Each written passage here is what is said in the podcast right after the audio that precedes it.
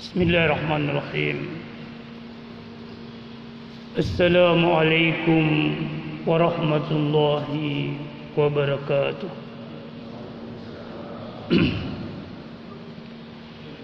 الحمد لله الحمد لله رب العالمين الصلاة والسلام على رسول الكريم سيدنا ومولانا وحبيبنا محمد وعلى آله الطيبين الطاهرين Alhamdulillah adalah kalimat yang paling pantas kita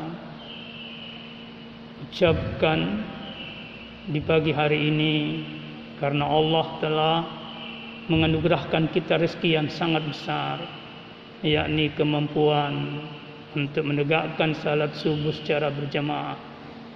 Bahkan sebelumnya kita sudah menegakkan satu salat sunnah yang nilainya melebihi dunia dan segala isinya yakni salat sunnah wajib Insya Allah pada kesempatan ini saya ingin menjelaskan tentang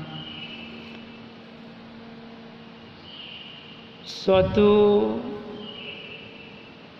hal yang sering kali kita lupakan, banyak kita lupakan.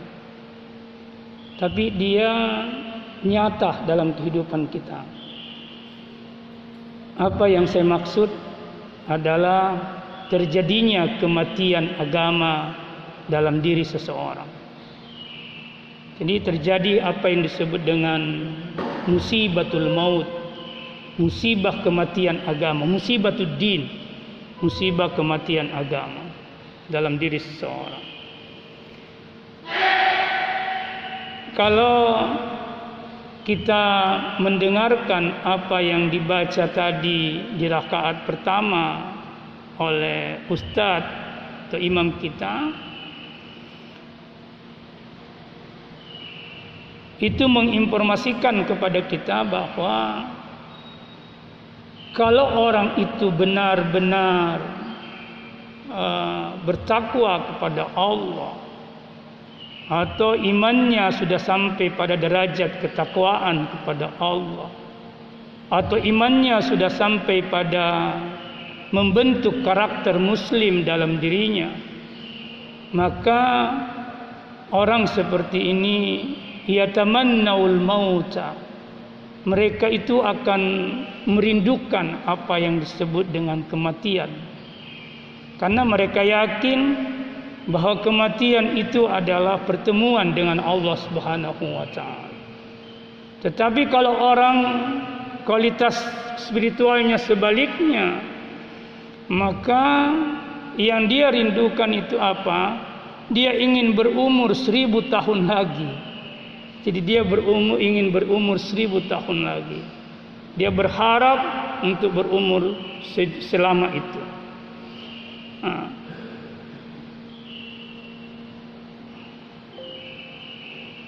Bapak sekalian, di setiap di, di suasana seperti sekarang ini, kita uh, lingkupi oleh berbagai macam musibah, berbagai macam ujian, ya.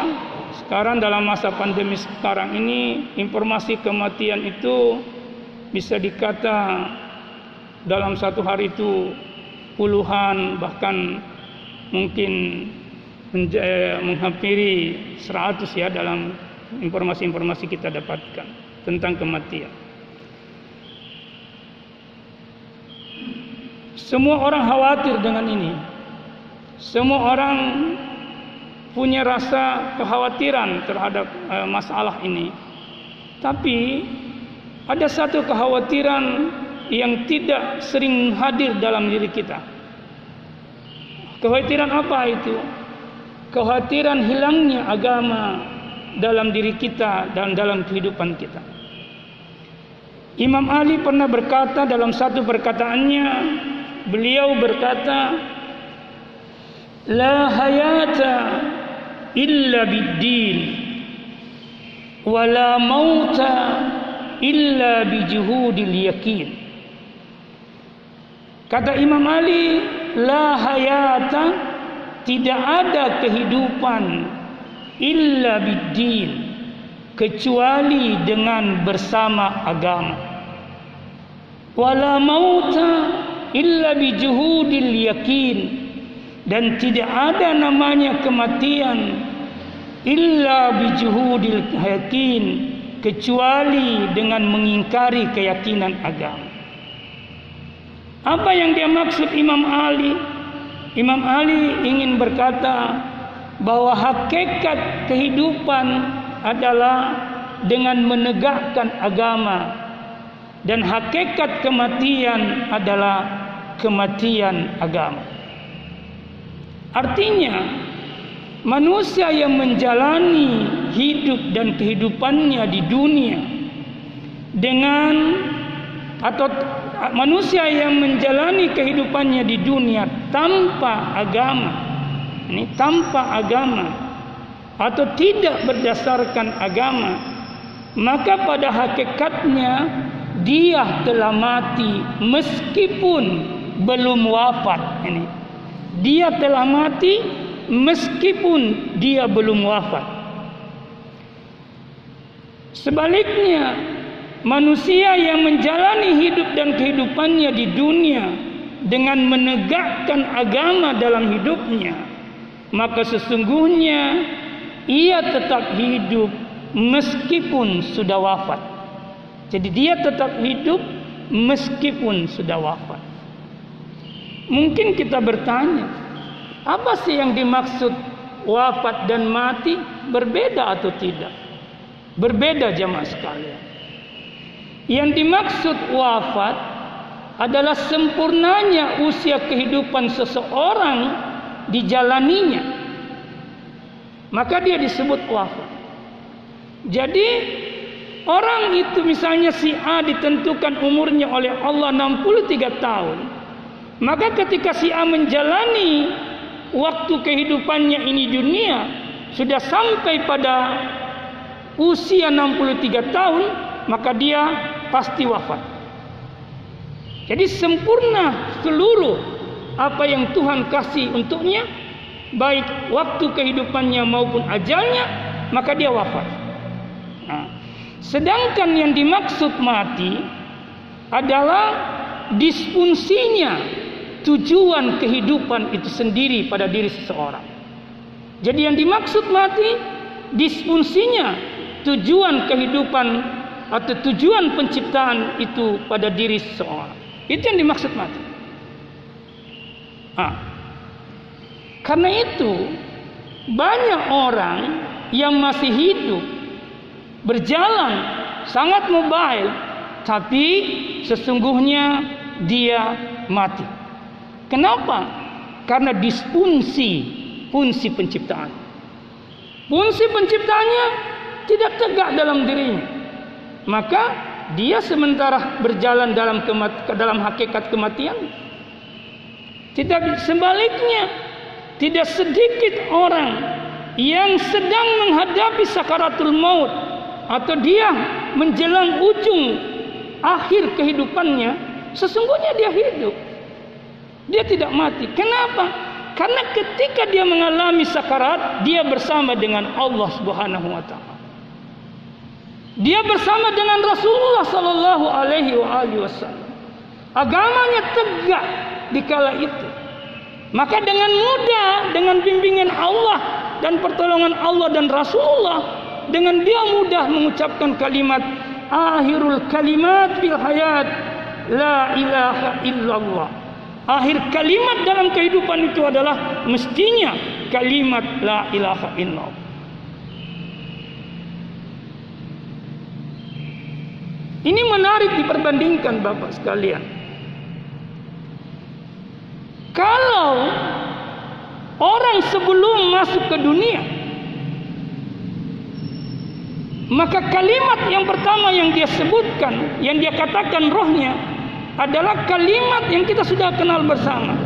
Yakni jawaban ketika dia ditanya oleh Allah, "Alastu bi rabbikum?" Bukankah saya Rabbmu? Dia menjawab, Bala syahidna.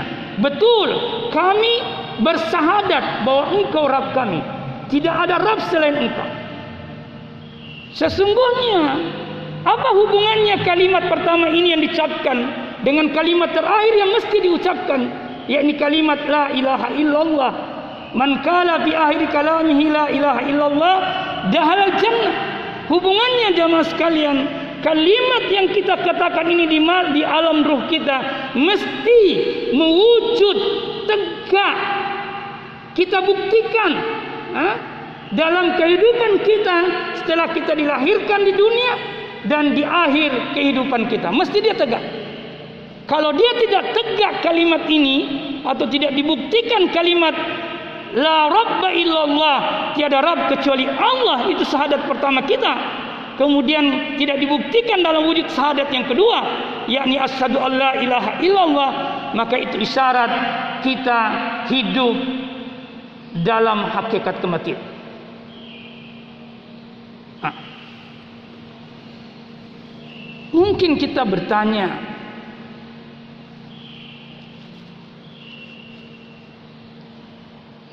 Apa buktinya bahwa dia hidup?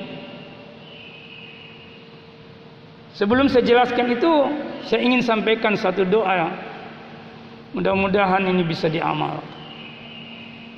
Uh, doanya pendek. Ini doa dibaca setelah orang salat sunat dua rakaat setelah sebelum sebelum salat subuh atau dua rakaat pasca salat subuh. Doanya apa? Allahumma barik li fil maut wa ba'dal maut. Ya Allah, berkahi aku di dalam kematian wa ba'dal maut dan berkahi aku setelah kematian. Ini doa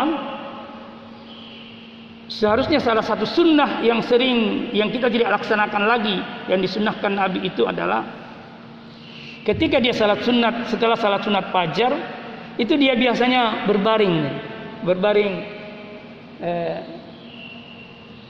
dengan bagian kanannya di bawah, ini di atas bagian kirinya. Dia berbaring seperti itu. Nah, di kala berbaring itulah dia baca doa ini. Dan doa ini minimal 40 kali. Jadi memang harus ada jarak antara setelah azan dengan dengan kamat itu harus ada jarak. Kalau bisa sampai 15 menit jaraknya supaya orang semua punya kesempatan untuk menegakkan salat sunat itu. Itu mestinya. Tapi saya mohon maaf sering kali masjid-masjid tertentu saya kira tidak di sini masjid-masjid tertentu itu paling 10 menit padahal masih bisa dikasih 15 menit supaya orang semua jamaah bisa melakukan itu dan bisa membaca doa itu. Kalau tidak sempat baca 40 kali, tiga kali saja, yang penting baca doa itu. Itu sangat dianjurkan.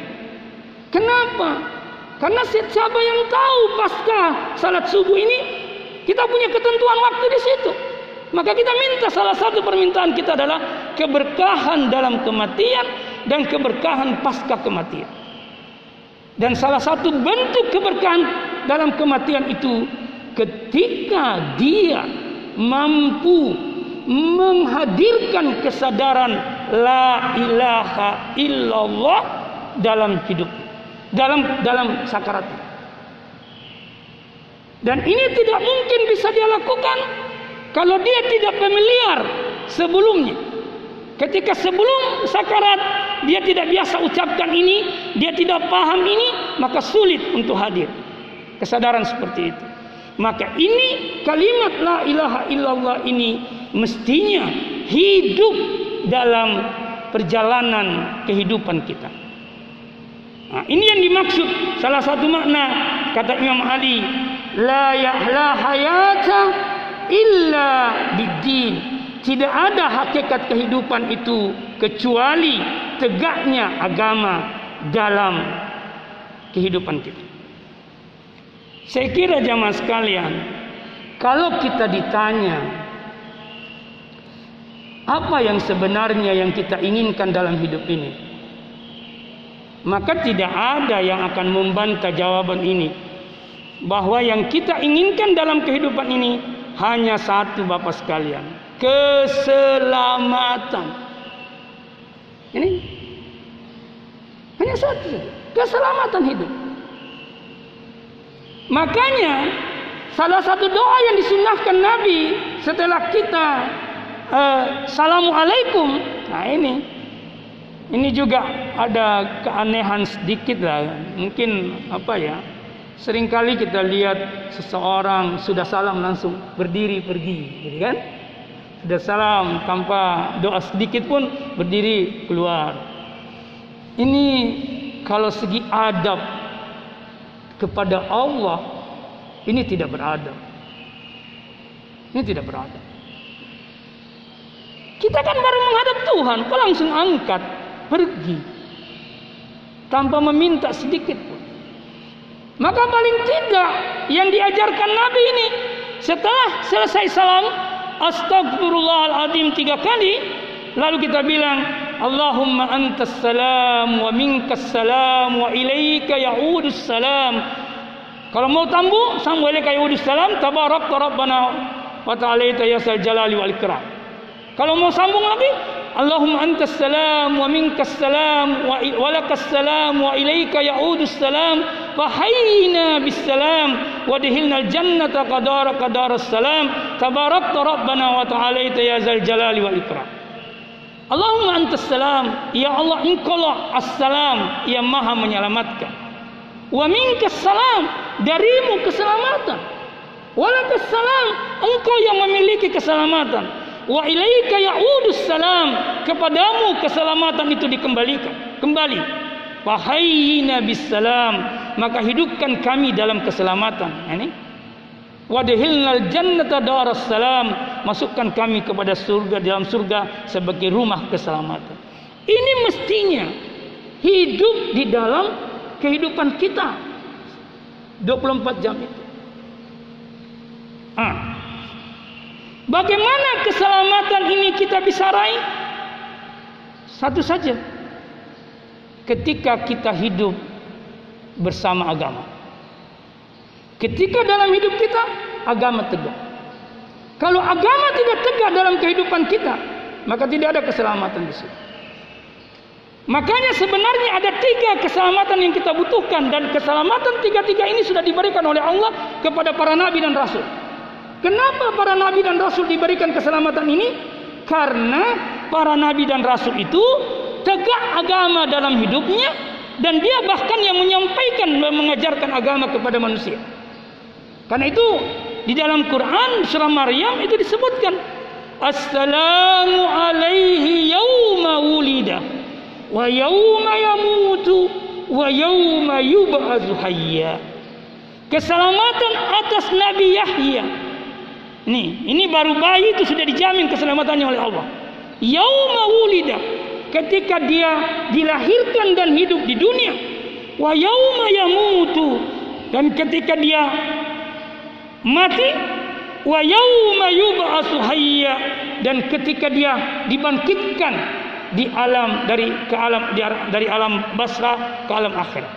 Jadi kita butuh tiga keselamatan, yakni keselamatan ketika kita lahir, dan hidup di dunia dan keselamatan ketika kita mati dan hidup di alam barzah dan keselamatan ketika kita dilahirkan dibangkitkan kembali dari alam barzah lalu kemudian hidup di alam akhirat.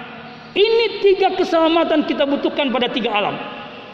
Tapi dua keselamatan yang saya sebutkan terakhir yakni keselamatan di alam barzah dan keselamatan di alam akhirat sangat ditentukan oleh keselamatan di dunia. Ini sangat ditentukan oleh keselamatan di dunia. Maka apa kunci keselamatan di dunia jemaah sekalian? Hanya satu Bapak sekalian. Tegakkan agama. Hiduplah bersama agama. Karena itu kata Imam Ali terkait dengan tegaknya agama itu dia katakan begini idza hadarat baliyatun faj'alu amwalakum duna ampusikum kalau jika atau jika atau sekiranya musibah itu datang kepadamu atau bencana itu datang kepadamu faj'alu maka jadikan musibah itu fi amwalikum di dalam hartamu duna ampusikum bukan pada dirimu. Kata Imam Malik. Lalu dia katakan wa idza nasalat nasilatun faj'alu ampusakum duna dinikum. Kalau bencana itu datang kepadamu atau turun kepadamu, faj'alu ampusakum. Jadikan bencana itu dalam dirimu, duna dinikum, bukan dalam agamamu. Nah, lalu dia tegaskan, wa'lamu, ketahuilah innal halika man halaka dinuhu. Sesungguhnya orang yang binasa atau sesungguhnya kebinasaan itu adalah man halaka dinuhu orang yang agamanya binasa wal haribu orang yang diperangi itu siapa? Huriba dinuhu. Orang yang diperangi agamanya. Ini.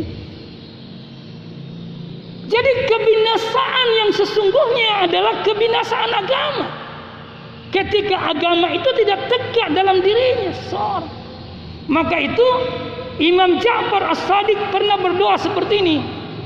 Alhamdulillahilladzi lam yaj'al musibati fi dini kata Imam Ja'far Sadiq. Segala puji bagi Allah. Jadi dia memuji Allah. Segala puji bagi Allah. Dia bersyukur kepada Allah. Kenapa? Lam yaj'al musibati fi dini. Alhamdulillah Allah tidak menjadikan musibahku dalam agamaku. Nih. Kenapa Bapak sekalian dia tidak ingin musibah itu terjadi dalam agama? Karena kalau musibah itu terjadi pada agama kita alias kita hidup tanpa agama, maka tidak ada sedikit pun keberuntungan di situ. Tidak ada. Yang ada hanya kerugian. Tapi kalau musibah itu terjadi pada harta, bagi orang yang beriman, di situ ada keberuntungan.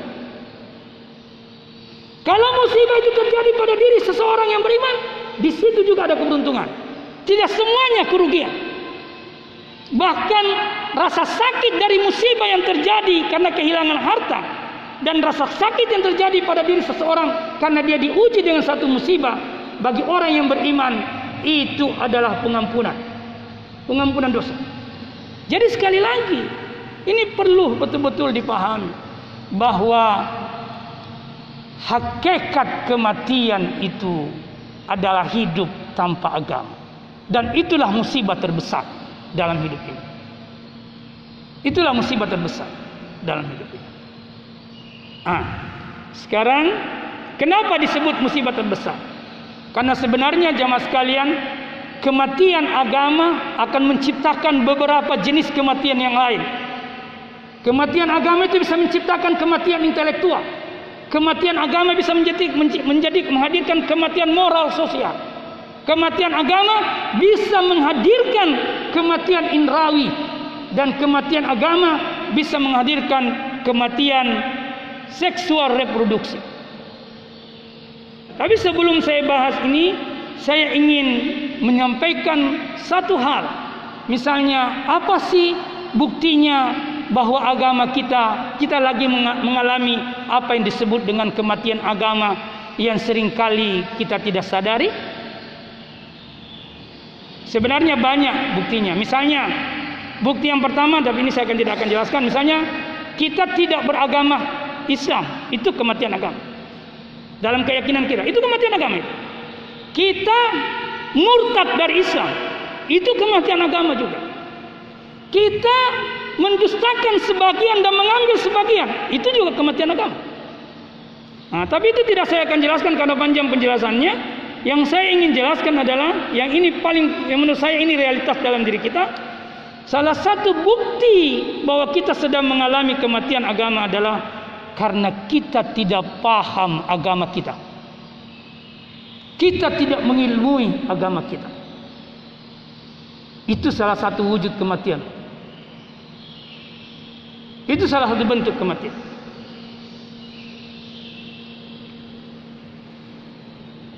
Kenapa?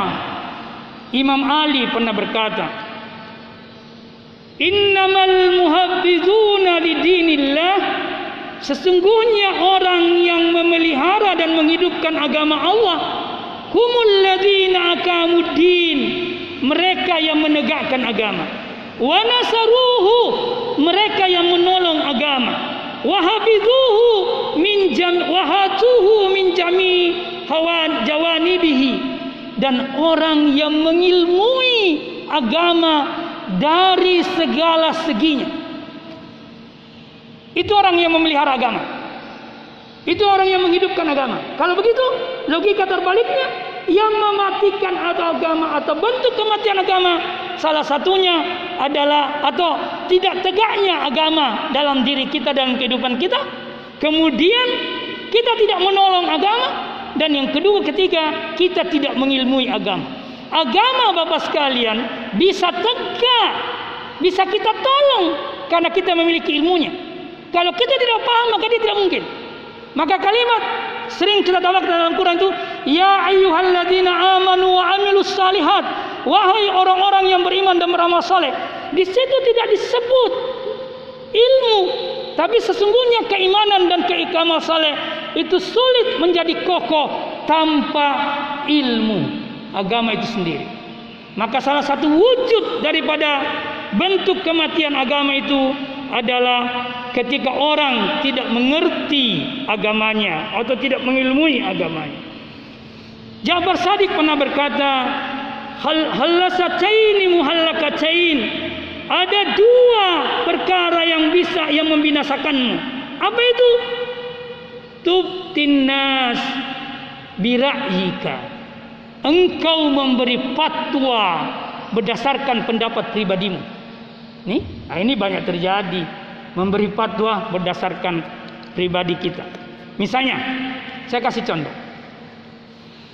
Di masa pandemi dua tahun ini, kali kita dapat di medsos. Tidak boleh takut sama Covid.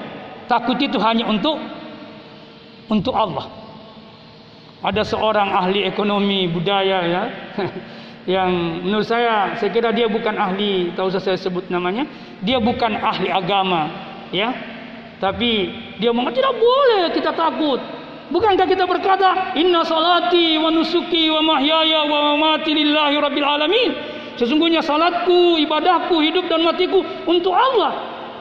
Tidak ada hubungannya ayat ayat itu dengan ketakutan. Tidak ada. Karena dia merasa dirinya mampu, maka dia menafsirkan menurut pendapatnya. Kata hadis ini, salah satu yang bisa mencelakakan, membinasakanmu adalah apa?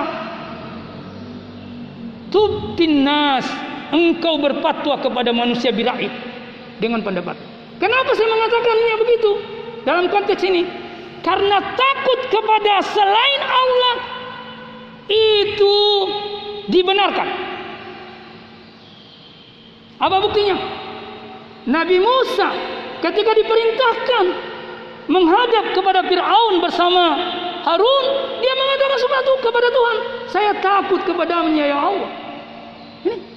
Nabi Sakaria itu khawatir dan takut tentang anak keturunannya. Ketakutan yang salah Bapak sekalian. Kalau ketakutan kepada makhluk itu kita mandirikan dan kita lepaskan kepada dari Allah. Tapi ketakutan kepada makhluk sesungguhnya harus disandarkan kepada Allah. Jadi kalau kita takut kepada makhluk, cepatlah kembali kepada Allah. Jadi ketakutan kepada makhluk sarana untuk menuju kepada Allah. Itu yang benar. Bukan kemudian memperlawankan atau mengkontraproduktifkan antara ketakutan kepada makhluk dan ketakutan kepada Allah. Tidak seperti itu. Karena ketakutan kepada makhluk itu salah satu bentuk ujian Tuhan. Itu kan wala nabluwannakum bisyai'in minal khawf kata Tuhan. Aku akan uji kamu dengan sedikit. Sedikit apa? Ketakutan. Jadi ketakutan itu satu bentuk ujian. Maka bawalah ketakutan itu kepada Allah Subhanahu wa taala. Itu salah satu orang contoh orang yukta bira'yihi. Dia memberi fatwa kepada manusia tentang agama berdasarkan pandangan pribadinya. Serahkanlah kepada ahlinya supaya dia dan ikuti apa yang difatwakan oleh ahlinya. Yang kedua yang yang membuat orang eh, binasa itu adalah kata-kata hadis ini antud tudinu ta'lam atau engkau mengamalkan ajaran agama atau engkau beragama bima la ta'lam tanpa ilmu. Ini beragama tanpa ilmu itu membinasakan Bapak. Saya kasih contoh kita mengenal rukun iman rukun Islam. Syahadat salat puasa zakat haji. Lima sudah cukup ya? Lima. Satu waktu ada orang bertanya kepada Ja'far Sadiq. Ya Ja'far Sadiq, beritahu aku tentang sesuatu yang jadi begini. Beritahu jadi Basir Abu Basir berkata kepada Ja'far Sadiq, beritahukan kepadaku tentang agama yang telah Allah wajibkan kepada hamba-hambanya dan tidak ada alasan bagi mereka untuk tidak mengetahuinya. Garis bawah ini, tidak ada alasan bagi mereka untuk tidak mengetahuinya serta tidak diterima bila ia memeluk agama yang lain. Apakah itu? Imam Ja'far Sadiq mengatakan kesaksian kepada Allah. Sahadatain. Menegakkan salat, mengeluarkan zakat, berhaji ketika mampu dan berpuasa di bulan Ramadan. Ini kalau mau di, didalami satu-satu, ini sangat dalam maknanya. Kita kan misalnya kita lihat di Al-Markas ya, eh, Islamkan orang, sudah itu asyhadu alla ilaha illallah kan sudah dianggap Islam. Sebenarnya Pak, dari empat kewajiban, lima kewajiban ini, kewajiban yang terberat di syahadat itu. Kalau mau diilmui, kewajiban terberat di syahadat, bukan di salat, bukan di puasa, bukan di haji, tapi yang terberat adalah di salat. Padahal itu ringan sekali diucapkan, tapi pada hakikatnya di situ yang terberat. Kalau kita mau dalami ilmunya. Pertanyaannya sederhana. Sejauh mana pemahaman syahadat kita? Dan sejauh mana persaksian kita kepada Allah? Saya kasih contoh, ini yang terakhir. Saya kasih contoh Bapak sekalian. Saya kira kita semua mengakui keberadaan Tuhan. Ya kan? Tapi pertanyaan saya, apa benar kita rasakan keberadaan Tuhan? Kita mengakui keberadaannya. Tapi pertanyaannya, apa benar kita merasakan keberadaan Tuhan melebihi kesadaran kita terhadap keberadaan diri kita sendiri? Itu pertanyaannya. Saya kasih contoh, mimbar ini dari dari mana dibuat dari apa, Pak? Kayu kan? Meja ini kayu. Pintu itu kayu. Lemari kayu. Dinding itu kayu. Tapi yang menarik adalah kalau kita masuk di rumah kita yang penuh dengan kayu, yang kita ingat lemarinya, yang kita ingat kursinya, yang kita ingat mejanya, yang kita ingat mimbar mimbarnya, tapi kita lupa kayunya. Padahal mimbar, lemari, meja, ranjang semuanya dari kayu asalnya dari kayu. Sama dalam pemahaman kita tentang eksistensi Tuhan. Kita hanya melihat langit, bumi, pohon, manusia, binatang.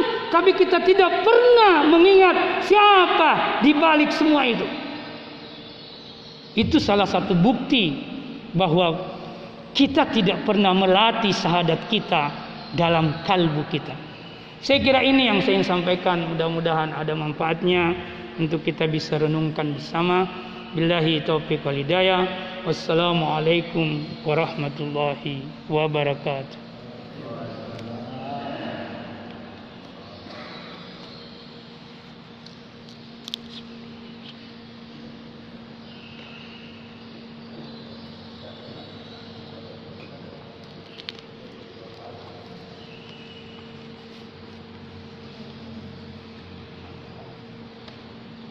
Mau dibuka Bapak kan tanya jawab?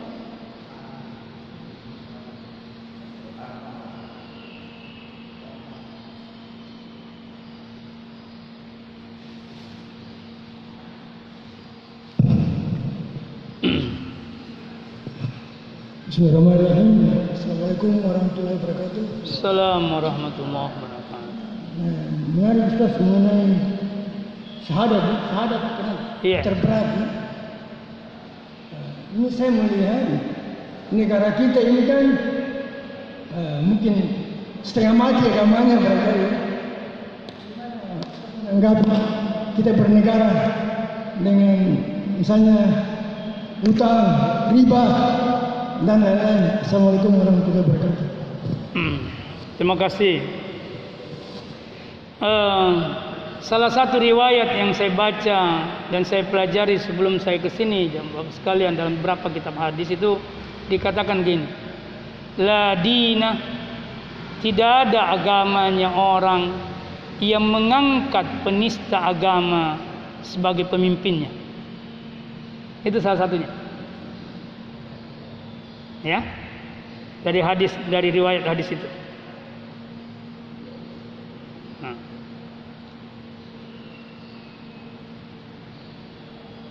Yang kedua, sebenarnya uh, ada hadis Nabi yang menarik itu ya. Dia katakan begini. Sayati zamanun ala ummati akan datang pernah saya jelaskan ini tapi saya ulangi akan datang satu zaman pada umatku la ya'rifunal ulama illa bizaubin hasan dia tidak mengenali ulamanya lagi kecuali hanya pakaian keulamaan wala ya'rifunal qur'ana illa bisautin hasanin dia tidak lagi mengenali Quran kecuali hanya karena Quran itu dilagukan dengan suara yang indah. Wala ya'budun Allah illa bi syahri Ramadan. Mereka tidak beramai-ramai menyembah Tuhan kecuali pada bulan Ramadan saja. Lalu dia bilang, "Idza kana kadzalik." Kalau itu sudah terjadi kata Nabi. Ha, sallatallahu alaihim bisultanin maka Allah akan menguasakan umatku itu kepada pemimpin la hilmalah yang tidak ada kasih sayangnya la rahmatalah la rahimalah yang tidak ada kebajikan kalau ini dianalisis maka sebenarnya ketika kita berada di bawah kepemimpinan yang zalim ya yang tidak ada kasih sayang dan kebajikan maka harus dikoreksi bukan saja pemimpinnya tetapi yang harus dikoreksi adalah kualitas umat. Jangan-jangan di masyarakat itu ulama tidak ditemukan lagi. Quran tidak hidup lagi. Dia hanya hidup dalam lisan, tapi tidak hidup dalam pikiran dan kalbu dan tidak hidup dalam action. Dia hanya hidup di lisan. Maka ramai di perlombaan musabakah. Tapi di tadabbur Quran sedikit. Di tadabbur Quran sedikit, Bapak. Contoh lagi, di bulan Ramadan ramai punya masjid kita. Tapi di luar Ramadan tidak. Ini satu bukti. Jadi sebenarnya kalau saya sederhana. Menghadapi pandemi itu sederhana. Pertama koreksi diri. Saya sudah bagus tidak? Koreksi keluarga, bagus enggak? Koreksi lingkungan kita, bagus enggak? Apa yang kita sudah bagus untuk buat untuk mereka? Jadi bukan selalu memberontak, tidak. Pikiran berontak itu akhir kalau tidak ada lagi diperbaiki. Karena itu kenapa begini? Imam Ali pernah ditanya ketika dia jadi halif. Dia katakan gini, "Ya Amirul Mukminin, wahai Amirul Mukminin, kenapa ketika kau menjadi khalifah terjadi pemberontakan, terjadi kekacauan, terjadi peperangan, sementara waktu Umar dengan Abu Bakar radhiyallahu anhu itu tidak terjadi?" Apa jawabannya Ali? Dia katakan begini, karena yang jadi rakyat ketika Umar dan Umar jadi khalifah dan Utsman jadi khalifah awalnya itu saya. Tapi ketika saya jadi khalifah yang jadi rakyat kalian. Maksudnya kualitas spiritual yang jadi rakyat ketika Abu Bakar dan Umar jadi pemimpin dan khalifah kualitasnya seperti saya. Tapi ketika saya jadi khalifah seperti kalian. Jadi sebenarnya yang dituntut itu adalah bagaimana rakyat paham agama. Bagaimana agama itu tegak di akar rumput sehingga dia bisa mewarnai yang di atas, bisa mengontrol yang di atas. Bagaimana tidak? Kita kan mudah sekali. Tadi tidak sepakat, kalau sudah dikasih Indomie sudah sepakat. Kan itu kualitas keberagamaan masyarakat kita. Minta maaf ini saya harus katakan itu. Saya kira itu jawaban saya. Terima kasih Pak. Ya, silakan.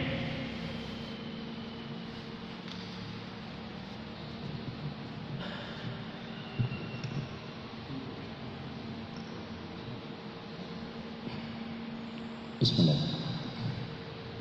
Assalamualaikum warahmatullahi wabarakatuh. Assalamualaikum Sebenarnya sekadang umat Islam apa yang Ustaz maksud tentang kematian agama di kalangan umat Islam sekarang ini kalau secara syariat begini Ustaz Ya, benar. Saya akui. kita banyak sih sembahyang Ya. banyak orang berpakaian jubah pakai janggut pakai jilbab pakai cadar Iya. itu secara syariat. Tetapi di mana letak kematian agama pada akidah? Iya. Di mana akidah? Sederhana saja. Banyak orang Islam suka berbohong. Coba perhatikan sekarang tata cara menduduki jabatan. Itu semua itu kematian agama di situ. Nah, sekarang ini bagaimana caranya kita ini karena yang yang didakwakan pertama kali oleh Rasul dalam masa masalah kita memperbaiki budi pekerti manusia. Nah sekarang sudah akhlak manusia. Alhamdulillah min sana. Bahkan ada beberapa kelompok dia kompak berbohong. Dia ini untuk dunia. Dia, saya tidak tahu saya juga bukan hanya itu saja. Kemusyrikan kemusyrikan dalam masyarakat. Dan itu kemusyrikan sangat. Karena dia berkoalisi dengan makhluk halus untuk mendapatkan dunia. Iya. saya dapat semua itu Ustaz. Iya. baru kalau ini orang kalau dilihat jenis pakaiannya Ustaz eh kalah tu. Pengaji. Itu tadi pakai pakai jenggot pakai jubah. Tapi dia dia berkoalisi dengan makhluk halus Inilah yang yang melanda umat Islam sekarang ini. Ada lagi yang yang parah juga, Ustaz. Dia sebut-sebut kebaikan, perbuatan kebaikannya dalam berdakwah. Dia sebut-sebut si amplop. Bikin malu-malu. Alhamdulillah. Baik, terima kasih. Uh, terima kasih pertanyaannya. Jadi sebenarnya begini Pak. Uh, itu memang tantangan besar. Uh, sebenarnya ada tiga yang harus dipahami dalam beragama. Syariatnya, tarekatnya, hakikat. Kalau kita bawa dalam istilah yang lebih umum, Islamnya, imannya, Islamnya, ihsannya. Kalau kita ambil lagi tiga istilah lain yang lebih umum, akidahnya, syariahnya, akhlaknya. Betul yang Bapak katakan tadi. Orang Islam sekarang itu berhenti pada syariah. Tidak masuk pada tarekat. Makna tarekatnya maksud saya. Apalagi masuk pada makna hakikat. Tidak. Sepi dari situ. Sunyi dari situ. Sekarang orang tidak masuk dalam syariat. Tapi tidak didasari iman yang benar. Apalagi akhlak. Seperti Bapak katakan tadi. Ya. Orang rajin sembahyang, dati dustanya juga rajin. Rajin salat, tapi caci maki orang juga rajin. Hina dan merendahkan juga orang rajin. Nah, di mana salatnya? Di situ tidak ada salatnya, tidak fungsi. Nah, tadi saya singgungnya bahwa apa sebenarnya hakikat tujuan dari penciptaan manusia? Kita sering kali menurut saya ini, maaf ini kalau saya agak berbeda dengan sedikit, bahwa saya tidak sependapat bahwa tujuan penciptaan manusia itu menyembah Tuhan. Beribadah. Seperti sering di, di, di, di, didalilkan pada wa ma halaqtul jinna wal insa illa liya'buduni. Tidaklah aku menciptakan manusia dan jin kecuali untuk menyembah. Kalau saya bukan, bukan di situ tujuan penciptaan. Tujuan penciptaan itu adalah apa? Mencapai derajat kemuliaan di sisi Allah. Apa derajat kemuliaan di sisi Allah? Takwa. Takwa itu intinya moralitas. Takwa itu kata Imam Ali, rasul akhlak. Takwa itu kepalanya akhlak. Makanya ada ayat di dalam surah Al-Baqarah mengatakan, "Ya ayyuhan nas, ubudu rabbakum alladhi halakakum walladzina min qablikum la'allakum tattaqun." Sembah Tuhanmu yang menciptakanmu dan menciptakan umat sebelummu. Apa tujuannya? Supaya kau menjadi takwa. Apa efek negatif dari pemahaman yang keliru yang mengatakan menjadi menghamba Tuhan itu tujuan? Dan apalagi kalau dia mengatakan bahwa menghamba itu salat, puasa, zakat. Orang yang seperti ini pemahamannya, dia merasa cukup dengan salat, ruku, gerak tubuh itu. Tapi dia tidak pernah pusing dengan moralnya, mulutnya yang suka berdusta, tangannya yang suka menzalimi, langkah kakinya yang selalu menendang orang dan sebagainya. Dia tidak pusing dengan itu. Yang penting dia merasa cukup sudah sujud dan sebagainya. Ini yang clear. Sujud, ruku, puasa. Kalau dia tidak menghasilkan moralitas pribadi dan tidak menghasilkan moralitas sosial, maka itu isyarat untuk memperbaiki. Jangan-jangan kita dalam kematian agama. Contoh konkret Pak. Sudah berapa lama Pak beruduk? Apa yang Bapak rasakan ketika beruduk?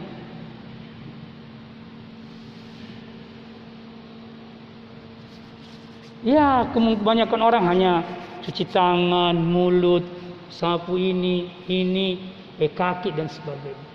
Tapi pernah tidak kita merasakan bahwa saya pergi beruduk untuk mendekatkan diri kepada Allah. Lalu kemudian rasa kedekatan kepada Tuhan itu kita hadirkan sejak kita mengambil air sampai selesai cuci kaki. Pernah tidak ketika kita merasakan kalau saya eh, eh, eh, berkumur-kumur yang saya bersihkan itu dustaku, lisanku yang selalu mencaci maki orang dan sebagainya. Kenapa semua itu tidak pernah hadir ketika kita melaksanakan syariat wudhu itu? Karena kita berhenti pada pemahaman syariat. Menurut saya itu perlu di dalam.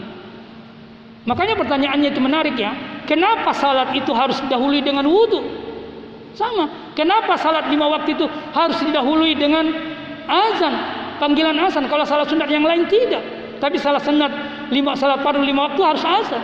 Ini semua penting untuk dipahami. Karena itu nasihatnya Imam Ali kepada Imam Hussein atau atau Nabi kepada Ali dia mengatakan begini, "Hai hey Ali, ketika engkau melihat orang berlomba-lomba menegakkan sunnah-sunnah agama, maka fokuslah pada keikhlasanmu dalam beragama. Lalu Imam Ali menasihati anaknya Imam Hussein. Dia mengatakan, fokus, dahulukan kewajiban-kewajibanmu, sempurnakan kewajiban-kewajibanmu.